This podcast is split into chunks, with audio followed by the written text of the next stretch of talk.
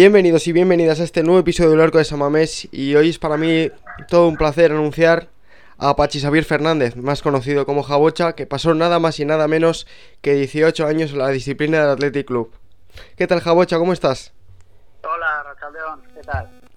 Vamos a empezar hablando porque tú eres periodista y me interesa tu visión sobre todo acerca del periodismo deportivo de hoy en día. A ver cómo lo ves.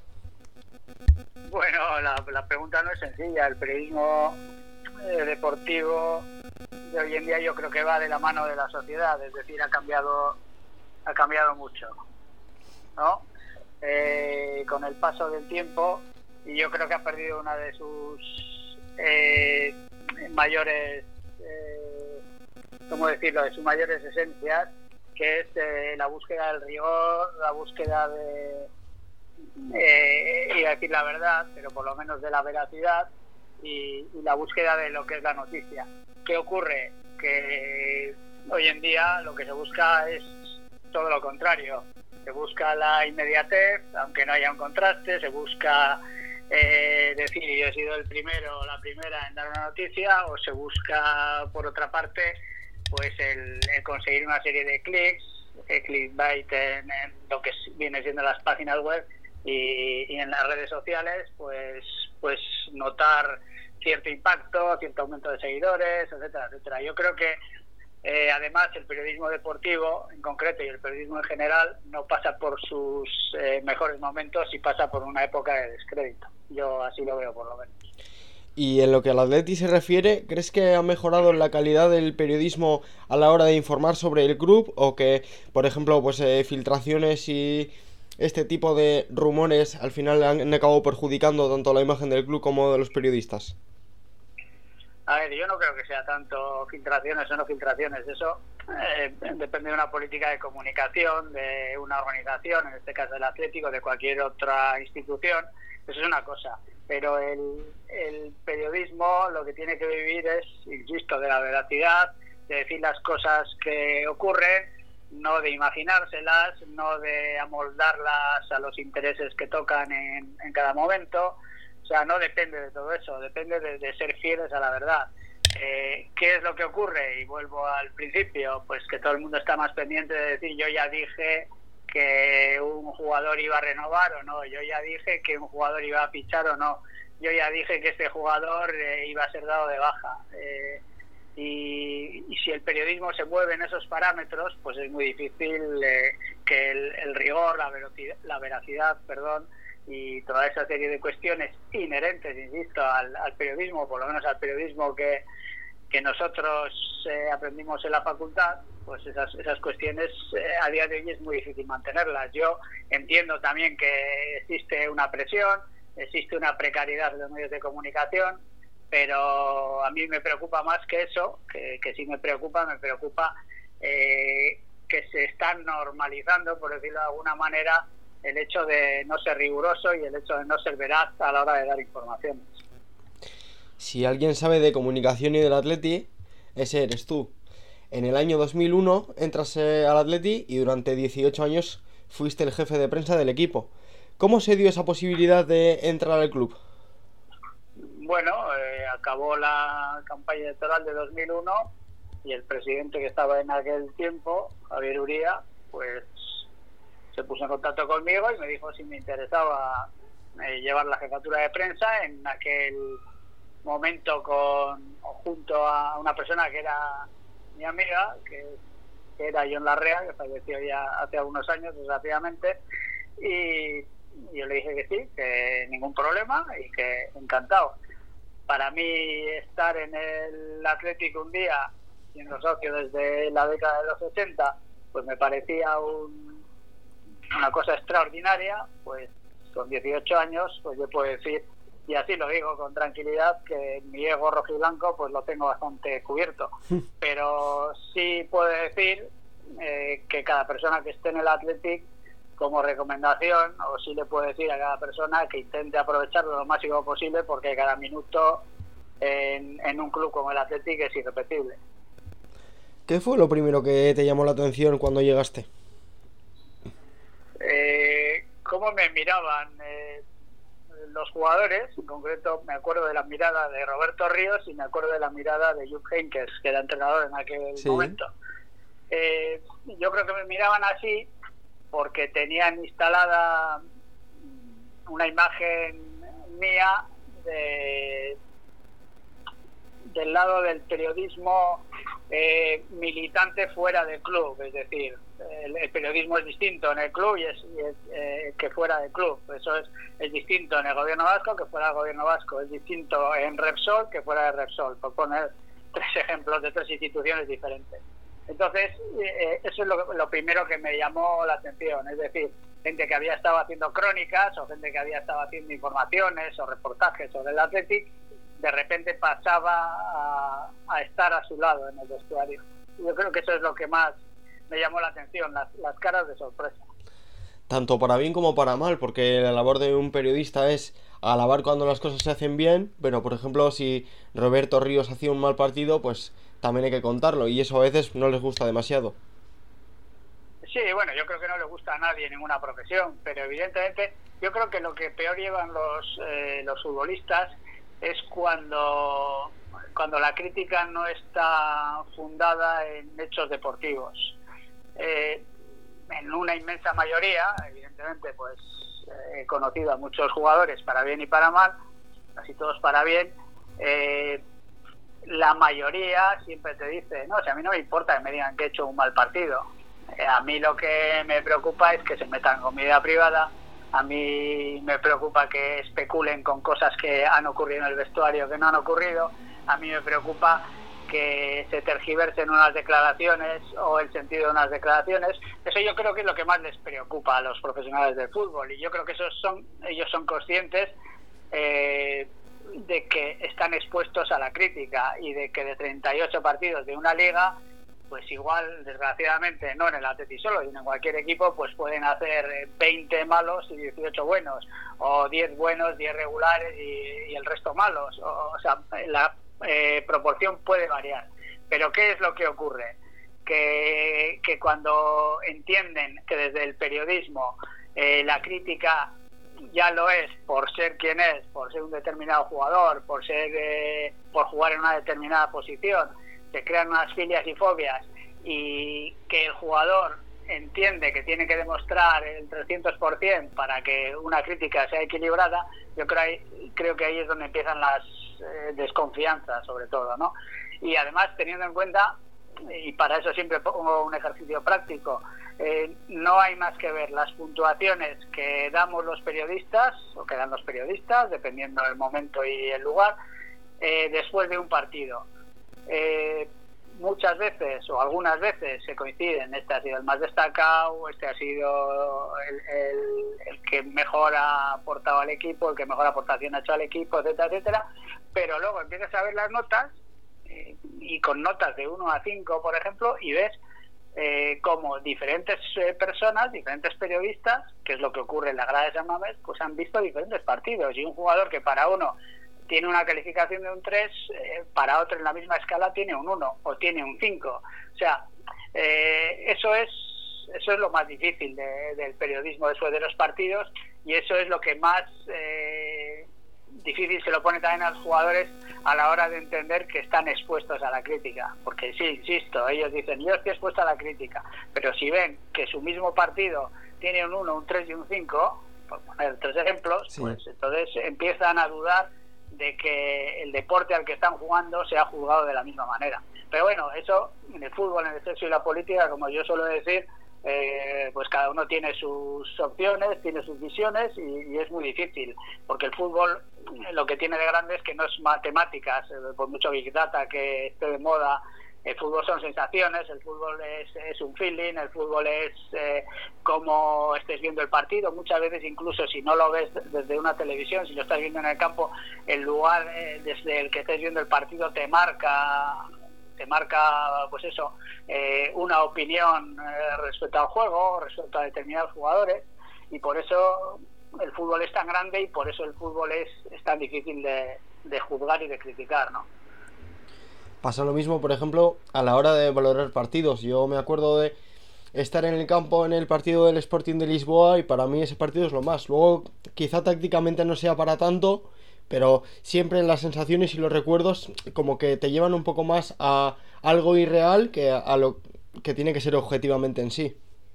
Sí, pero a ver, pero para valorar el fútbol objetivamente, pues eh, existen los expertos que valoran el fútbol objetivamente. Pero para la inmensa mayoría de las personas que asistimos a un partido de fútbol como meros espectadores, y sobre todo si seguimos a un equipo como el Athletic, eh, pues las sensaciones son lo que marcan todo.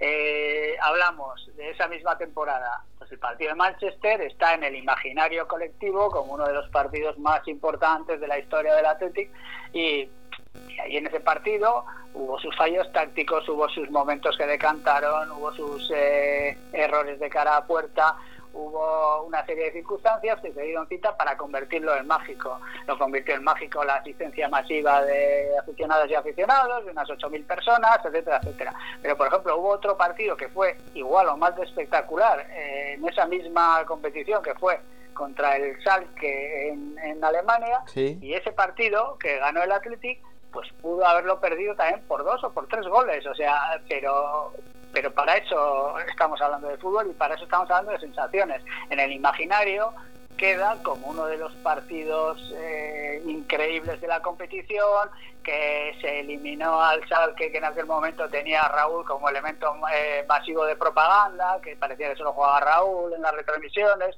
etcétera, etcétera, pues en base a, todos esos aditamentos, pues se construye un imaginario en el que en el que es un partido increíble, pero como bien has dicho antes, eh, tácticamente, si lo valoras, pues eh, aquello era un poco desmadre y, pudimos pasar de, perder a, acabar ganando, ¿no? Y, no sabes nunca por qué.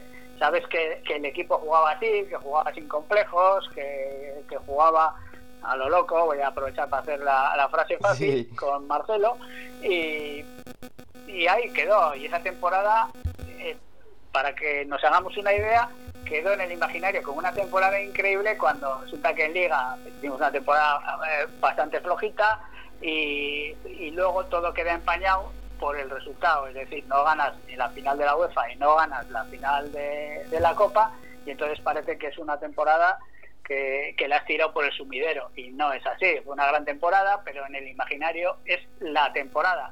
¿Qué ocurre?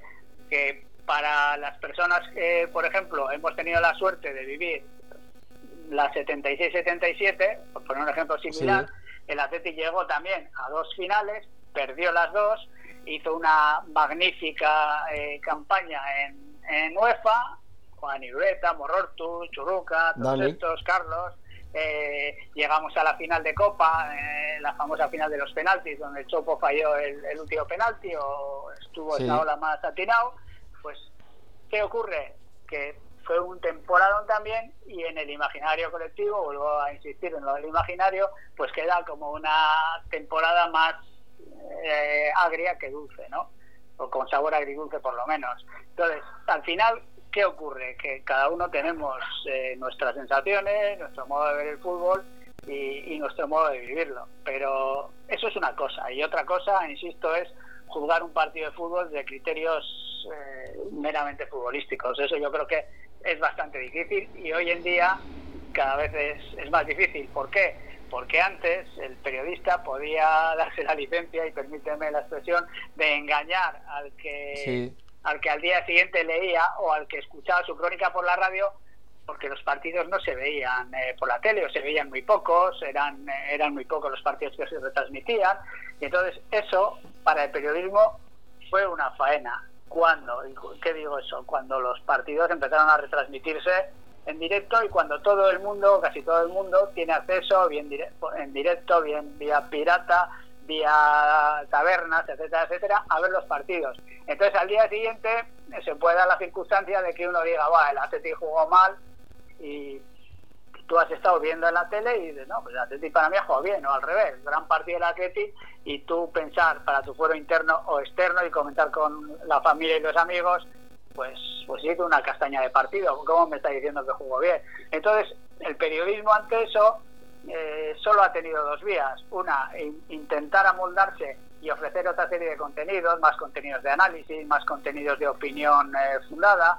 Eh, algunos lo han intentado por ahí y los que no han sabido adaptarse pues lo están pasando mal, porque ahora eh, es más difícil que la gente se trague una crónica, bien sea de radio, bien sea de, web o bien sea de, de prensa escrita, ¿Por qué? Porque eso ya lo ha visto. Ya ha visto que en el minuto 20 ha habido un centro y un remate, ya ha habido que en el minuto 25 el VAR se anula un gol injusto y todas esas cosas. Entonces, el periodismo, eh, retomando la primera de las preguntas que has hecho, el periodismo está ante un gran reto que yo creo que a día de hoy todavía no ha sabido solucionar. ¿Qué ha sido para ti lo más difícil de ser jefe de prensa del Atleti? Porque al final ser jefe de prensa debe ser complicado pero el Atleti es un club en el que se masifica todo.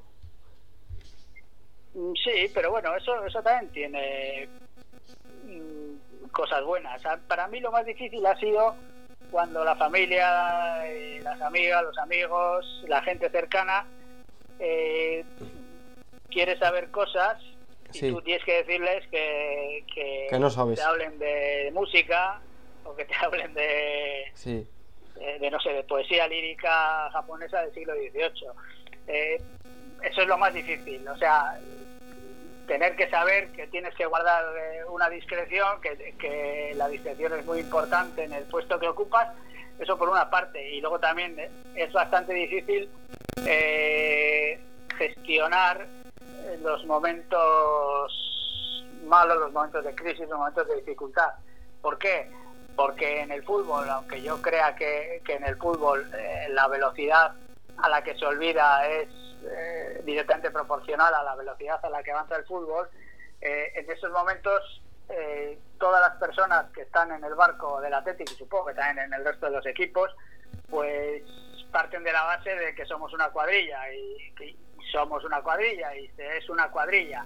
Pero en los momentos malos es cuando, o en los momentos del, adiós, de las despedidas de algunas personas, es cuando más fácil es eh, torcer el brazo, es cuando más fácil ser frágil y esos momentos no son, no son agradables porque eh, si tienes buena voluntad y si no eres mala persona, siempre estás pensando que todas las personas que están ahí en el mismo barco son son de los tuyos, ¿no? Y de las tuyas. Y entonces en esos momentos de, zozobra también es difícil gestionar, pero bueno, es como la vida misma, tienes que gestionar los momentos buenos y los momentos malos. ¿Y cómo separa uno su papel profesional con el personal dentro del atleti? Es decir, tú puedes actuar de una manera profesional, como seguramente has hecho, pero habrá cosas o situaciones diferentes dentro del club que te habrán afectado o que habrás tenido una opinión diferente. ¿Te ha sido muy difícil separar eso? No, eh, eh, eh, y a las pruebas me remito, que no es que no es ningún mérito especial, pero habiendo estado trabajando con diferentes presidentes, a ver si lo hago rápido en la cabeza, Javier Uría, falleció Ignacio Garpeche, eh, Ana Urquijo, eh, luego la Fernando García Macua, luego la Miki también anduvo por ahí. la Miki, perdón, antes de después de Ana, eh, Ana la Miki, Fernando García Macua, Yosurrutia, eh, Aitor Elizegui.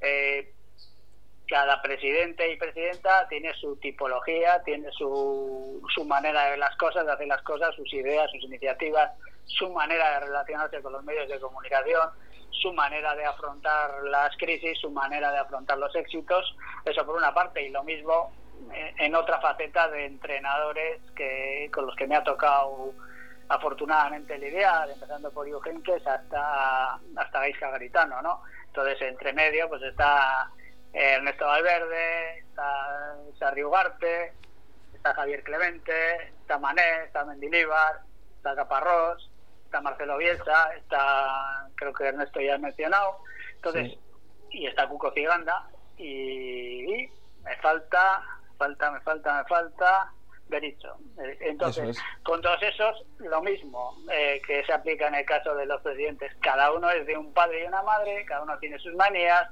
cada uno tiene su manera de afrontar la relación con la prensa, a unos unos preferían hacer entrevistas, otros no, unos eh, preferían preparar de una manera ruedas de prensa, otros no, pues bien, pero eso, si, si eres profesional, pues, pues tienes que trabajar con, con gente de, de todos los colores y de todos los sabores, como digo yo. Y, y eso para mí, más que un problema, ha sido siempre un, privilegio. Yo insisto, el estar en Atleti siempre ha sido un privilegio y, y el, compartirlo con, con esas personas también. Y ahora que mencionas el tema de los presidentes, me imagino que en época electoral todos los trabajadores del club al final hay como cierta tensión, ¿no? Porque sí es cierto que estás en el club, pero no sabes por dónde te va a salir cada uno. Quizá uno viene con su equipo o no le gusta la manera de trabajar. ¿Cómo se viven esos momentos? Pues, pues a ver, si yo diferenciaría si eres socio de la entidad o no. Si eres socio de la entidad, pues como cualquier otro socio o socia de, del Athletic Club, eh, tomas partido, tomas partido como socio, es decir, y acabas, yo por lo menos he votado en todas las elecciones, así, ¿verdad? Siempre que he votado tampoco tengo un, un índice de acierto muy grande, ¿no? Pero he votado en, en, en todas las elecciones y siempre he optado por alguno de los dos o de los tres eh, contendientes, y en algunas veces hasta incluso había cuatro. En el año 90, que es cuando yo empecé a, a votar, si mi memoria no me, no me falla.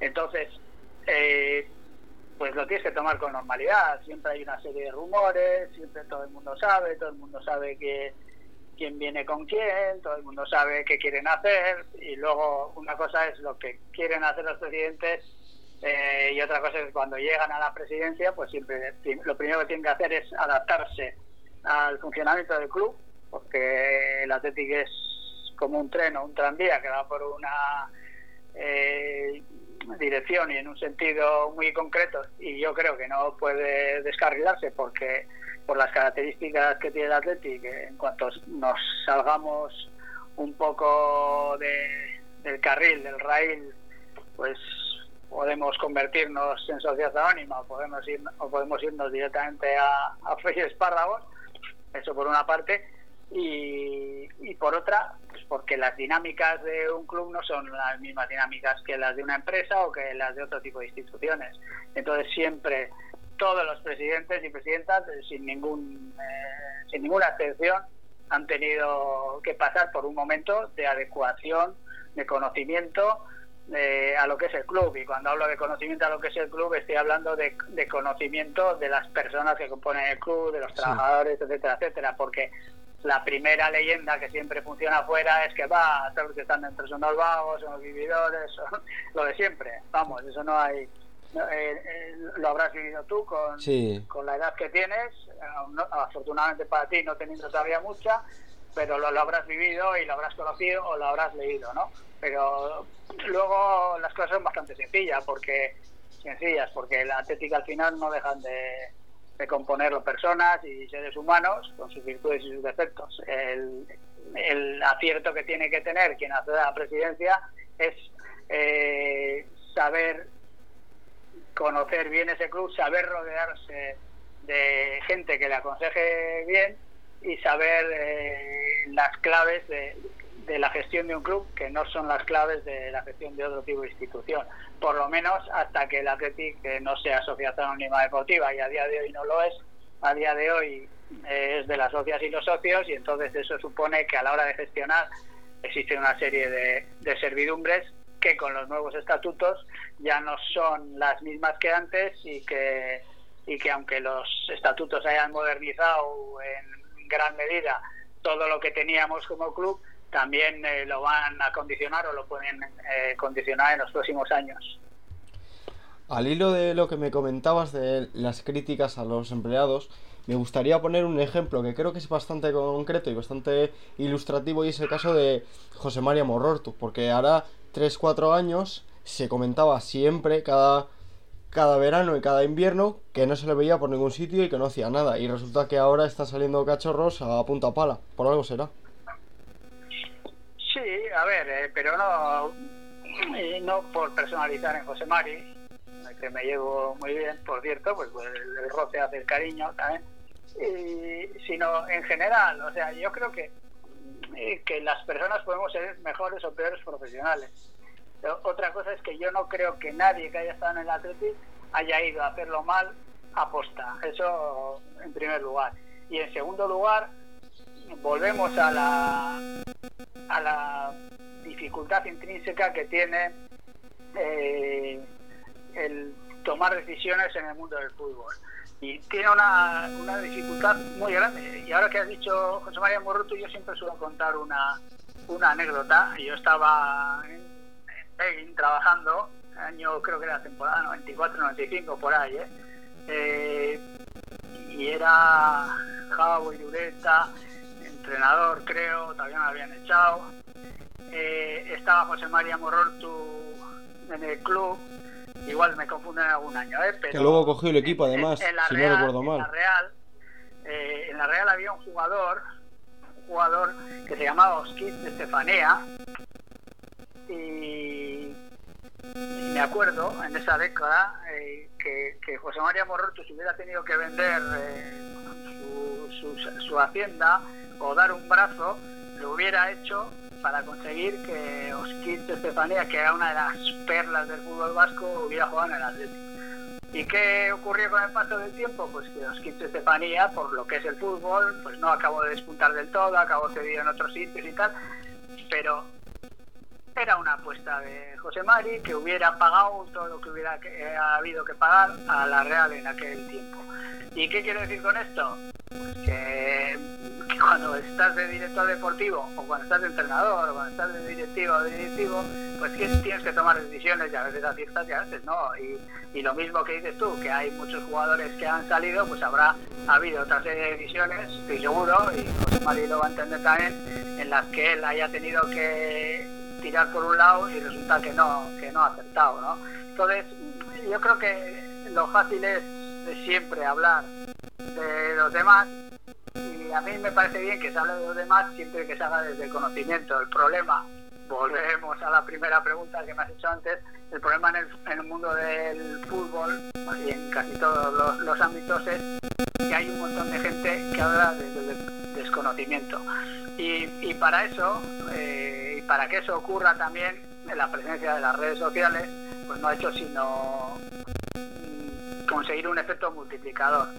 Es decir, antes la gente hablaba en el bar, o hablaba en el choco, o hablaba en el supermercado o en la oficina y decía al de al lado, este es más malo que la carne del pescuezo, o con este entrenador no vamos a ningún sitio.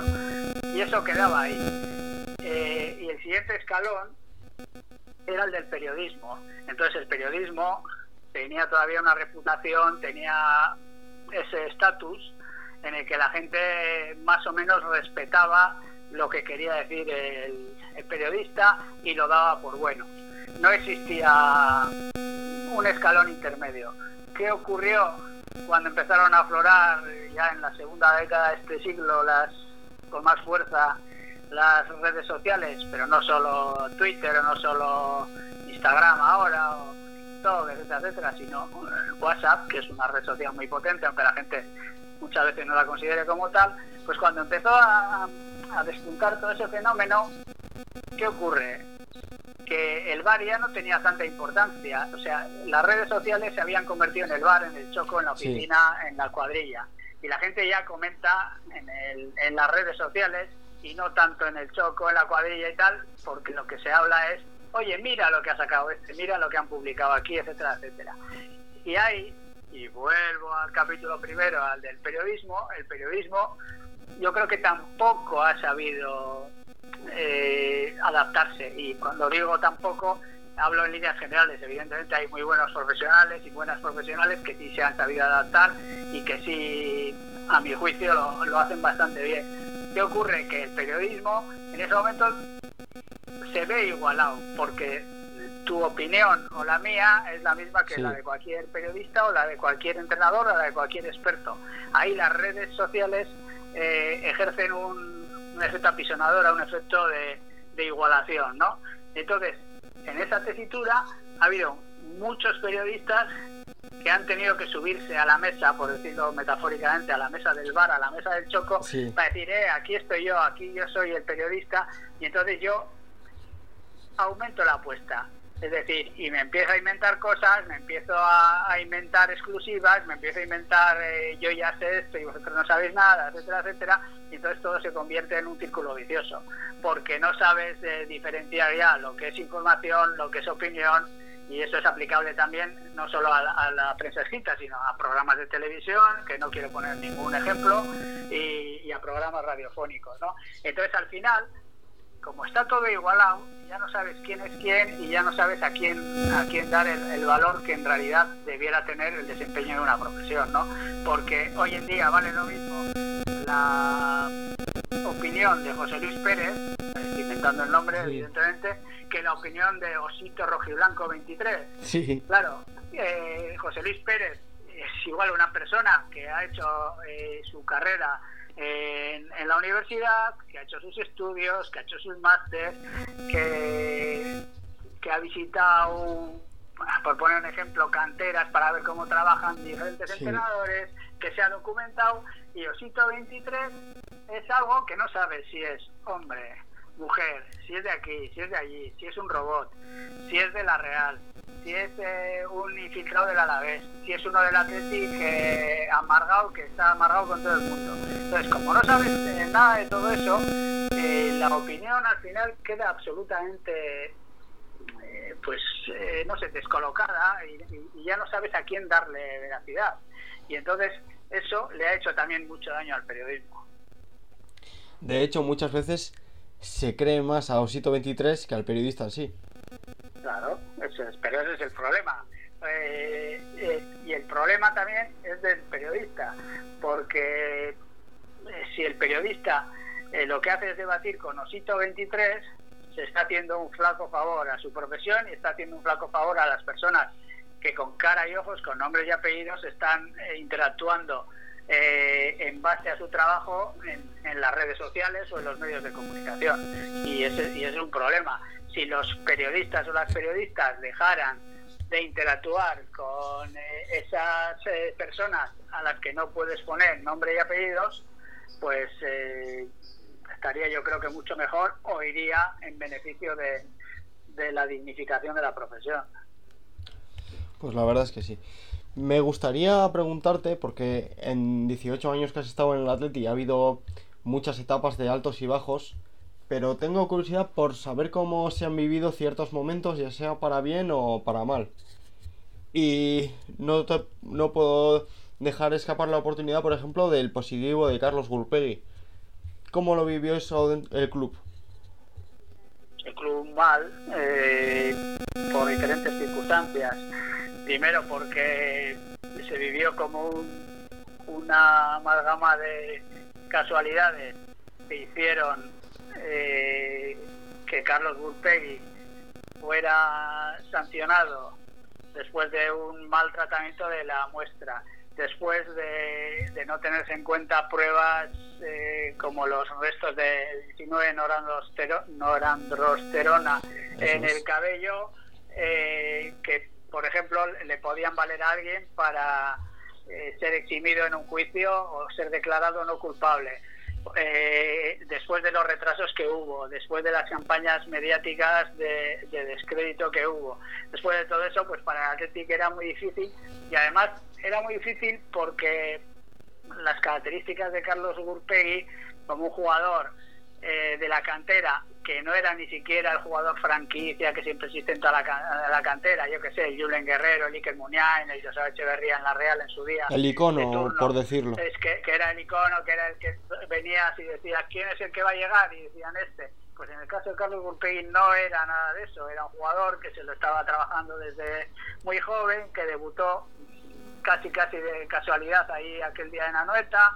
O sea, se dieron una serie de circunstancias que le hicieron todo eh, muy eh, muy difícil, muy difícil porque era una circunstancia negativa y, y además de, ser negativa, pues se veía que, que había un chaval ahí que no estaba entendiendo nada, no estaba entendiendo nada de lo que pasaba y que íbamos, por ejemplo, a mí me tocó ir en la delegación del club a algunas reuniones con el Consejo Superior de Deportes y entonces veías ahí que tampoco en el, Consejo Superior de Deportes entendían nada, ni entendían las circunstancias, ni entendían los atenuantes, ni entendían nada, solo entendían que donde ponía dos eh, había dado 16 con 3 y entonces que había que sancionar independientemente de cómo se habría llegado a ese resultado, independientemente de las pruebas de contraanálisis, etcétera, etcétera. Entonces fue una circunstancia difícil, pero sobre todo, y también lo hemos mencionado antes, eh, porque el, apartado humano, el aspecto de,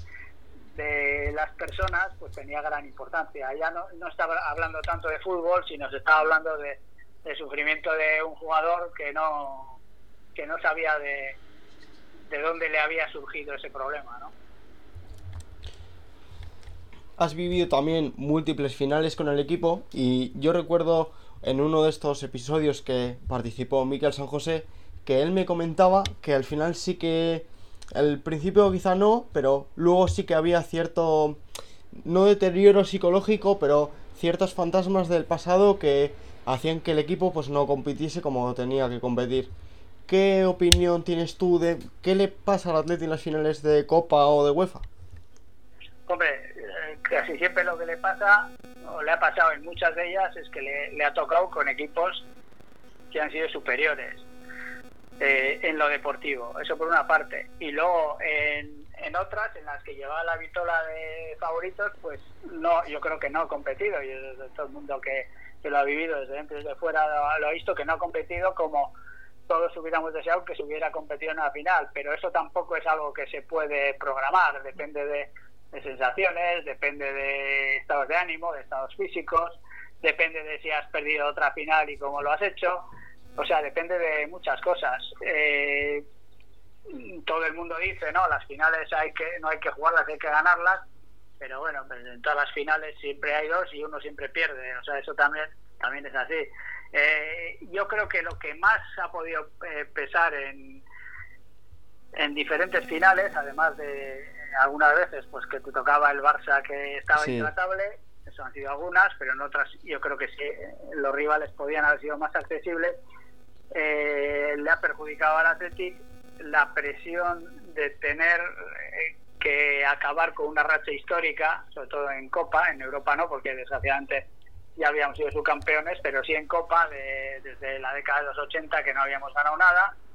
Y, luego, por contra, en, circunstancias a doble partido o, teniendo que eliminar a dos equipos, como ha ocurrido en la Supercopa en dos ocasiones, pues el equipo ha competido bien y ha demostrado que sabe competir y que sabe ganar al mejor Barça dos partidos y que, sabe eliminar en la misma competición al Barça, o sea, al Real Madrid y al Barça para alzarse con la copa. O sea que sí has conseguido ser competitivo, pero para mí, insisto, lo que más le ha pesado ha sido esa responsabilidad histórica de tener que responder a, al clima creado, a las ganas que tenía toda una sociedad, independientemente de que fuera socia o no del Athletic, independientemente de que fuera o no futbolera, todo ese clima, todas esas banderas, todo eso llevamos eh, no sé cuántos años sin ganar, y que, y que como muestra nos hizo para mí eh, de una manera no muy adecuada pues acabar celebrando o saliendo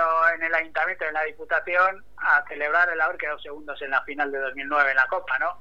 Y eso afortunadamente yo creo que fue un punto de inflexión y a partir de, de esa final por lo menos no hemos vuelto a dar la imagen de, de equipo menor en cuanto a tener que celebrar un, subcampeonato. Pues si te ganan, pues mala suerte.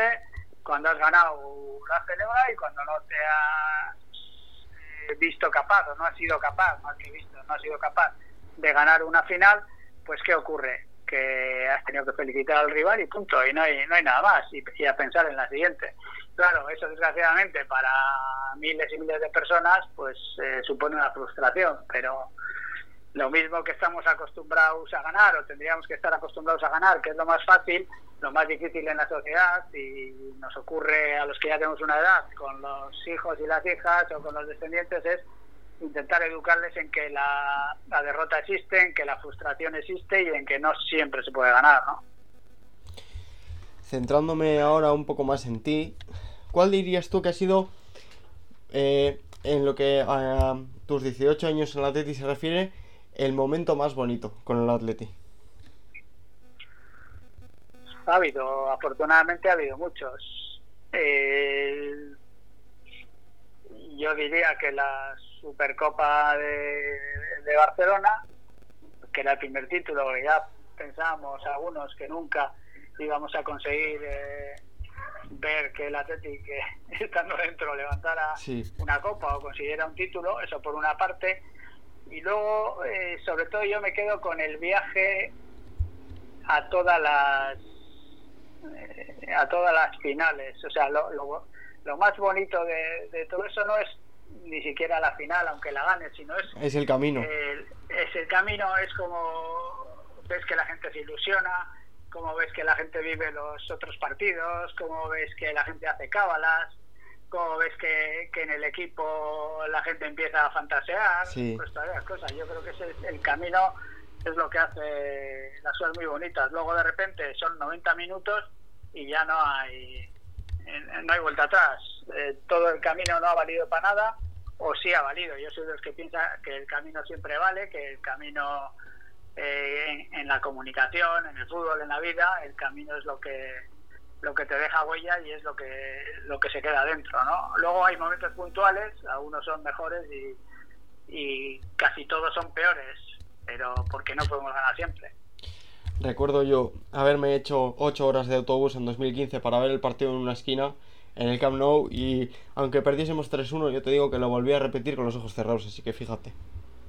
Sí, es esa comunión de la gente, es ese, ese, ese ambiente que se vive, es ese decir, somos del Athletic, no somos ni mejores ni peores, somos diferentes, somos especiales, tenemos una filosofía irrepetible, que es la que nosotros hemos adoptado, y, eso hace que pues que la gente, por regla general, pues disfrute del camino, disfrute del momento. ¿Que querríamos todos haber ganado? Pues evidentemente yo el primero y tú el segundo, si quieres pero que, que no es posible, pues, pues no es posible. ¿Que eso genera también frustración? Pues claro que genera frustración. ¿Que eso significa que los nuestros son los peores del mundo? Pues claro, en ese momento oyes a, a un montón de gente que dice que, que son una banda, etcétera, etcétera, pero pues eso es fútbol. Y no, antes tampoco puedes hacer mucho. Tengo curiosidad también por saber, tú que también has convivido con el vestuario, me gustaría que me dijeses una persona que quizá no sea muy, o sea, no reconocida, digamos, o que no sea muy, que no se le tenga muy en cuenta, pero que al contrario sea una persona que desde dentro sorprende.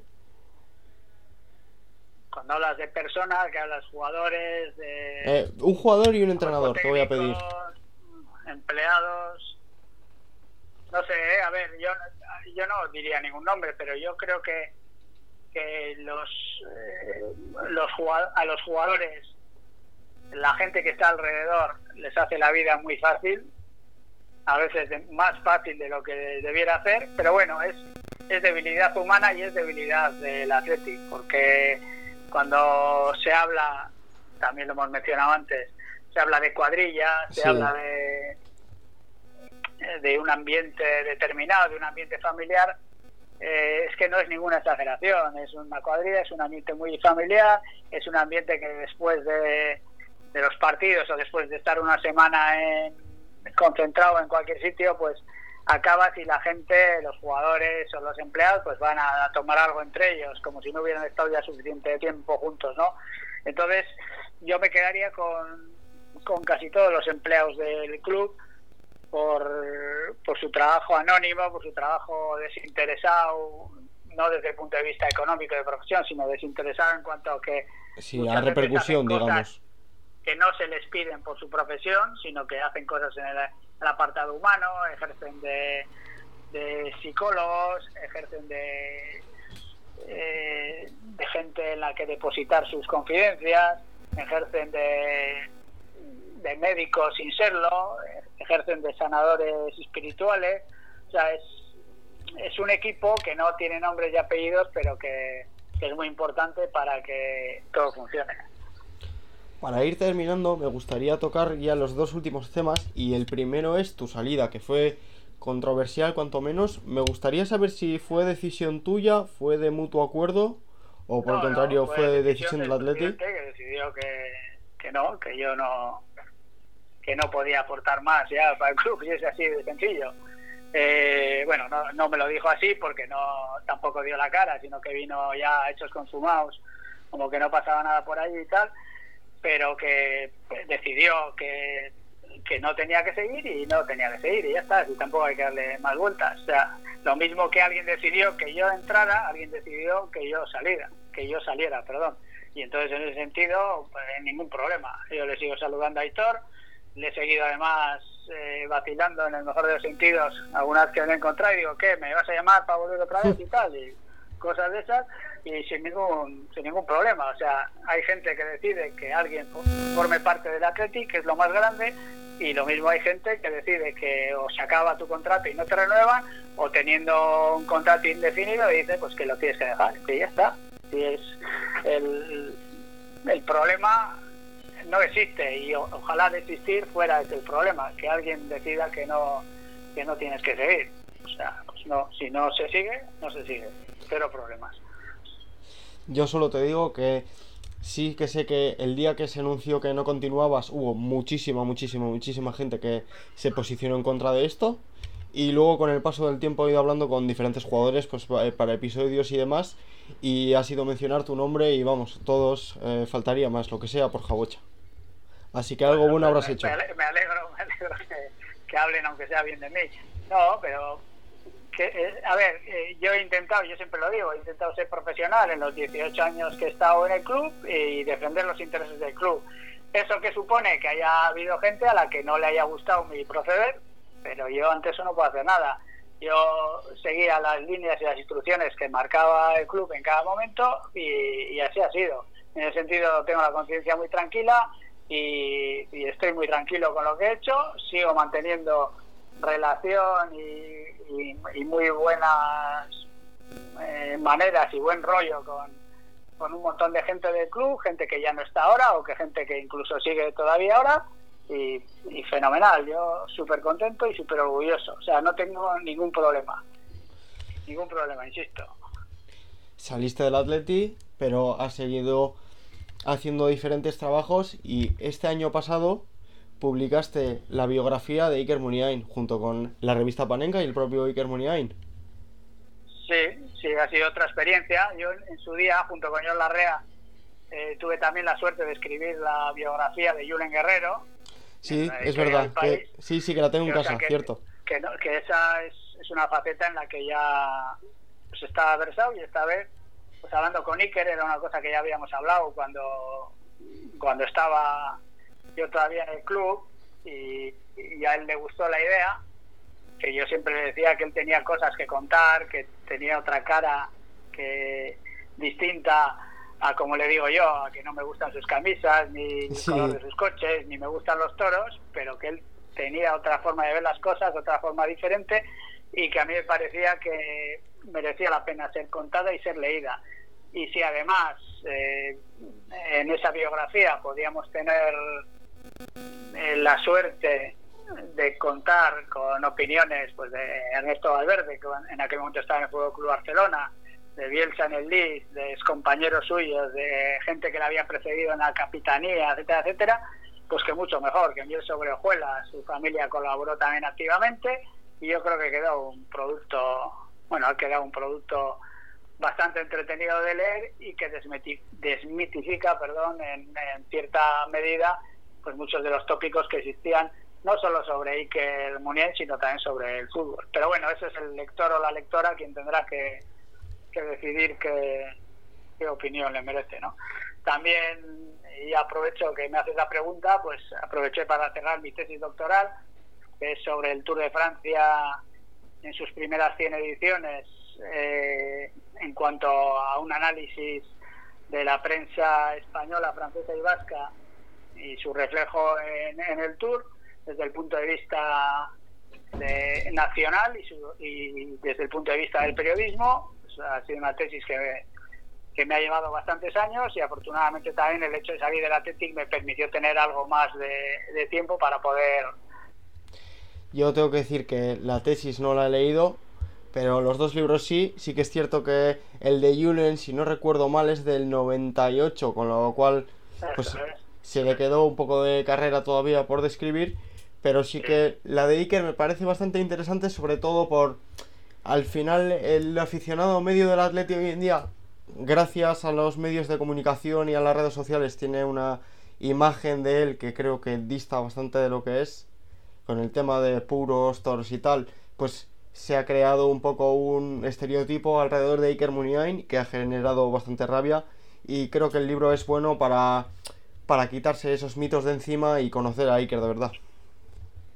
Sí, sí es, pero además, de todos modos, yo siempre digo que eh, el problema que tenemos las socias y socios del Athletic es que queremos que las personas que están jugando en el campo sean hechas a, nuestra imagen y semejanza, que sean eh, un reflejo de nosotras y nosotros, y eso no puede ser. Cada jugador es hijo de su padre y de su madre, es un reflejo también de la sociedad, porque en el vestuario del Athletic hay gente gente que lee mucho, gente que no lee nada, gente culta, gente inculta, gente que se preocupa por los derechos sociales, gente que no se preocupa por los derechos sociales, gente que tiene una visión política determinada, gente que tiene otra visión política determinada. Pues eso es un reflejo de la sociedad, ¿no? Y entonces, en ese sentido, es imposible que quienes estén en el campo representando los colores del Athletic eh, nos eh, permitan identificarnos con ellos y con ellas, en el caso del femenino, al 100%. Pero, pero el fútbol es así. Para mí, yo siempre lo digo, lo importante es que hay que respetar a todas aquellas personas que, que lleven eh, la camiseta del Athletic, y eso ya es un valor añadido. Y entonces, partiendo de esa premisa, luego nos puede gustar más o menos cómo juegan o cómo visten, pero sobre todo nos tenemos que eh, fijar en cómo juegan. Y para acabar ahora sí que sí, me gustaría que me contaras, que seguro que las has tenido en 18 años, una anécdota. Una anécdota. No sé, no sé, una anécdota, claro, que he tenido en 18 años, ¿no? He pensado así. Eh... A ver, una de las anécdotas así que, que siempre me, me gusta contar es lo mal que Marcelo Bielsa, por ejemplo, nos lo hacía pasar cuando le tocaba salir a, prensa en Europa, porque él no, no quería salir nunca, porque él decía que, que ya había hablado en la rueda de prensa anterior y que después del partido él no tenía que salir para hablar para ningún medio, ni más que la rueda de prensa. Entonces siempre hay, eh, se generaba un, un espacio en el que parecía una partida de ping-pong. Era la gente de la UEFA con Marcelo Bielsa, la gente de la UEFA diciendo que existía una obligación de eh, acudir a la sala de prensa. Marcelo, no, perdona, a la sala de prensa no, a, un determinado medio hace una declaración. Marcelo Bielsa diciendo que no. Y el jefe de prensa mirando para un lado y para otro para al final. al final es el que está en el medio. Con, el de la UEFA y para acabar mal con, con el entrenador. O sea que esa es una de las anécdotas que siempre había en Europa. Pues muchas gracias, Jabocha. Ha sido para mí de verdad un placer. Para mí también, para mí también. Y espero que en un futuro podamos leer tu tercera biografía. Yo dejo caer ahí un Ari Chauduriz, por ejemplo, que no estaría nada mal. Oh, Ari Chauduriz, eh, al que quiero muchísimo también, es, es muy difícil que se avenga a contar su biografía. Pero por cómo es él, ¿eh? Simplemente, no, por, no porque tenga nada raro que, ocultar. Pues bueno, esperemos que en un futuro sea de, de Aduriz o de algún otro jugador nos encontremos un nuevo libro tuyo en librerías, que seguro que será otro éxito. Muy bien, encantado. un abrazo. Vale, un abrazo.